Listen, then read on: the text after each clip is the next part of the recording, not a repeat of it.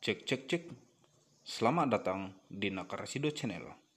Selamat bergabung dan selamat menikmati. Di mana pun Anda berada, Tuhan memberkati.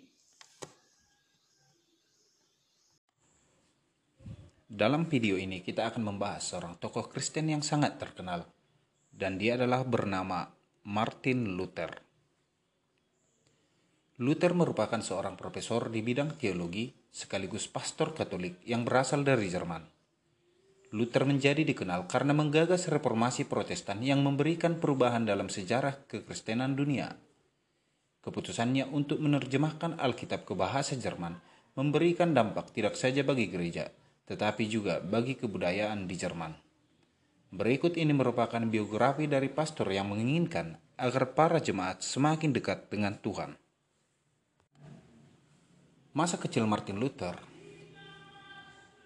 Martin Luther lahir pada 10 November 1483 di Eisleben, Mansfeld County, yaitu wilayah kekesaran Roma Suci. Martin Luther merupakan putra dari pasangan Hans Luther dan Margarete Lindemann. Orang tuanya bekerja sebagai petani dan juga sebagai penambang. Ayah Luther yang bernama Hans berambisius ingin menjadikan Luther seorang pengacara karena itu pada usia tujuh tahun, ayahnya mengirim Luther ke sekolah bahasa Latin di Mansfeld dan juga di Magdeburg pada tahun 1497. Setelah setahun berlangsung, kemudian ayahnya mengirim Luther 97. Setelah setahun Martin Luther lahir pada 10 November 1483 di Eisleben, Mansfeld County, yang merupakan wilayah kekesaran Roma Suci. Martin Luther merupakan putra dari pasangan Hans Luther dan Margarete Lindemann. Orang tuanya bekerja sebagai seorang petani dan juga sebagai seorang penambang. Hans sebagai ayah Luther menginginkan Martin Luther menjadi seorang pengacara di dalam kehidupannya karena itu pada usia tujuh tahun, ayahnya mengirim Luther ke sekolah di Martin Luther tahu Martin Luther lahir pada tanggal 10 November 1483 di Eisleben, Mansfeld County, yaitu wilayah kekesaran Roma Suci. Martin Luther merupakan putra dari pasangan Hans Luther dan Margarete Lindemann. Orang tuanya merupakan seorang petani dan juga seorang penambang. Hans Luther yang berambisius ingin menjadikan Luther sebagai pengacara, mengirimkan Luther pada usia tujuh tahun ke sekolah Latin di Mansfeld dan juga di Magdeburg pada tahun 1497. Setahun kemudian Martin Luther kembali ke Eisleben dan mempelajari tata bahasa, retorika, dan logika. Dan Martin Luther menyebut pelajaran itu sebagai pelajaran pembersihan dan juga neraka. Pada tahun 1501, saat dia berusia 17 tahun, dia memasuki Universitas Erfurt dan memperoleh gelar Master of Art di bidang tata bahasa, logika, retorika, dan metafisika. Martin Luther menjadi biarawan. Salah satu momen terpenting dalam hidup Martin Luther terjadi pada tanggal 2 Juli 1505. Saat itu dia sedang berada dalam perjalanan kembali ke kampus. Saat itu sedang terjadi hujan badai. Petir menyambar-nyambar dan Martin Luther hampir tersambar petir. Kemudian Martin Luther bercerita kejadian itu kepada ayahnya. Karena pada saat itu petir itu hampir merenggut nyawanya. Martin Luther berteriak-teriak, Santa Ana, aku ingin menjadi biarawan. Dengan perkataan itu, Martin Luther bertekad bahwa dia akan menjadi biarawan di tengah-tengah gerejanya. Kemudian Martin Luther memutuskan berhenti dari sekolah hukum. Dia menjual semua bukunya dan kemudian memasuki biarawa. Kemudian Martin Luther berhenti dari sekolah hukum.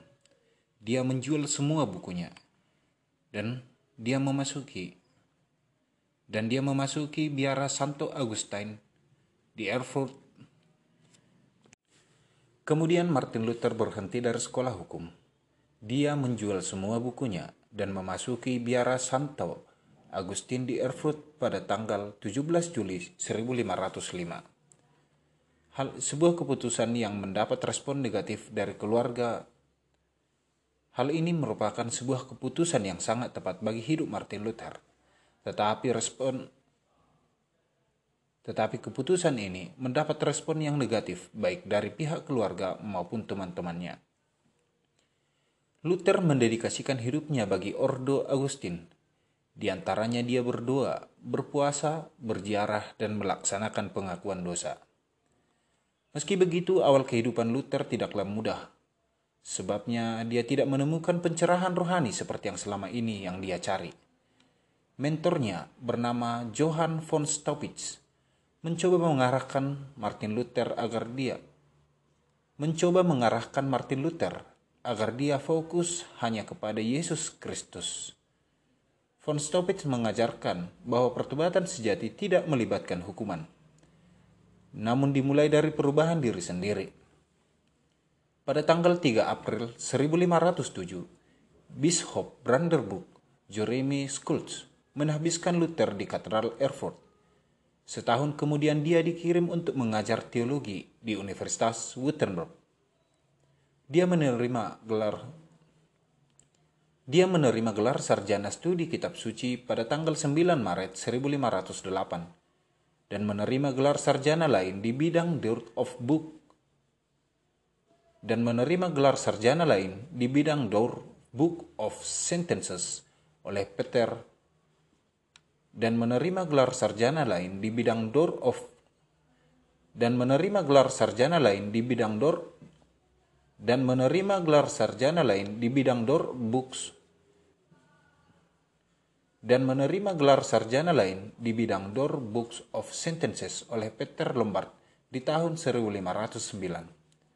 Dia menerima titel doktor teologi pada tanggal 19 Oktober 1512 dan dua hari kemudian dia diterima menjadi anggota Senat Fakultas Teologi Universitas Wittenberg.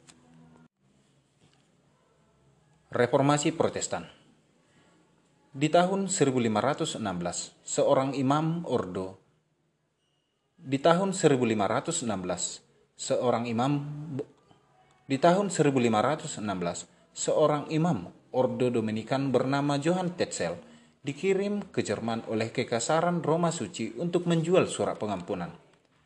Pengalamannya sebagai imam pengampunan antara tahun 1503 sampai dengan 1510 membuatnya dilantik menjadi komisioner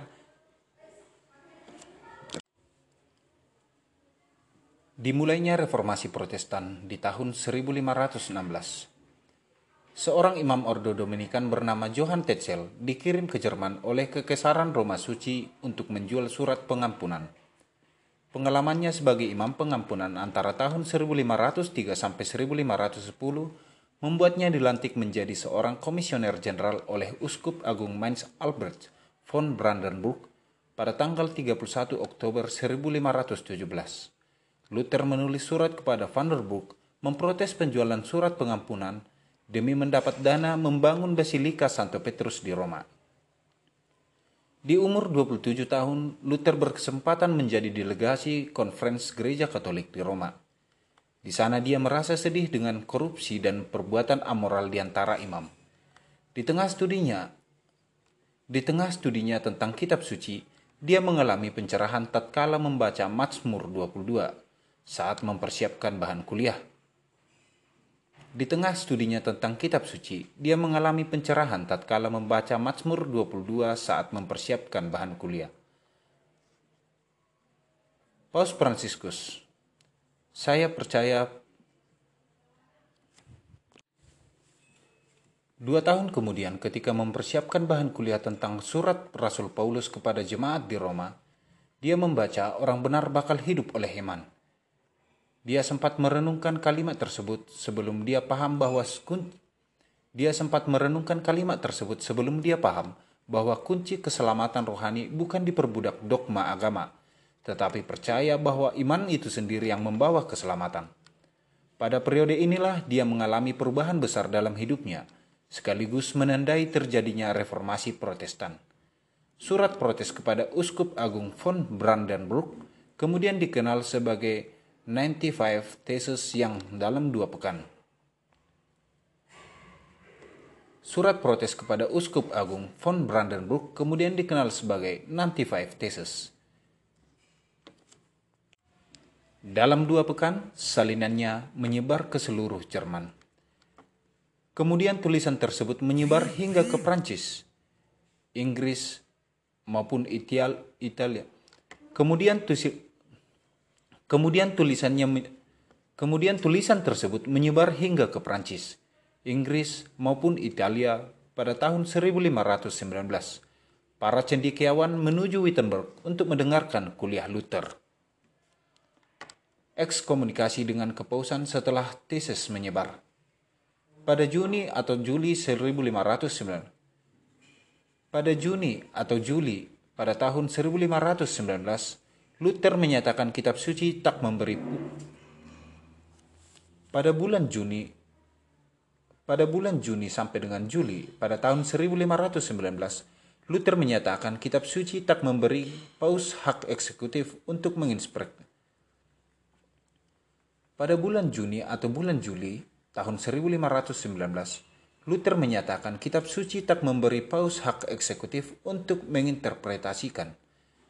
Pernyataan itu merupakan bentuk serangan langsung kepada orit Pernyataan itu merupakan bentuk serangan langsung kepada otoritas kepausan. Pada tanggal 15 Juni 1520, Paus Leo mengirim surat berisi ancaman. Surat itu berisi ancaman Luther bakal mendapat ekskomunikasi kecuali dia menarik 41 kalimat dalam suratnya, termasuk TC dalam waktu 60 hari. Di tanggal 10 Desember 1520, Luther membakar surat tersebut yang membuat Paus Leo menjatuhkan ekskomunikasi pada tanggal 3 Januari 1521. Pada tanggal 18 April 1521, dia dipanggil untuk datang ke Diet of Worm, sebuah pertemuan otoritas sekuler kekesaran Roma Suci di kota Worm. Di sana Luther kembali bersikukuh dia tak bersalah dan meminta ditunjuk dalil untuk mematahkan argumentasinya yang tak bisa dilakukan dewan. Karena itu pada tanggal 8 Mei 1521, Dewan mengeluarkan dekret Worm berisi larangan bagi Luther untuk menulis dan, mengumum, dan mengumumkannya sebagai terpidana bidah dan mengumumkannya sebagai terpidana bidah. Dekrit itu membuatnya seolah dikutuk dan buronan. Seorang teman kemudian membantunya menyembunyikan Seorang teman kemudian membantu menyembunyikannya di kastil Wartburg Selama dalam masa persembunyian, Luther menerjemahkan kitab perjanjian baru ke bahasa Jerman supaya masyarakat bisa memahaminya. Aliran Lutheran Meski berada dalam ancaman penangkapan, Luther memutuskan kembali ke kastil gereja Wittenberg yang berada di Eisenach.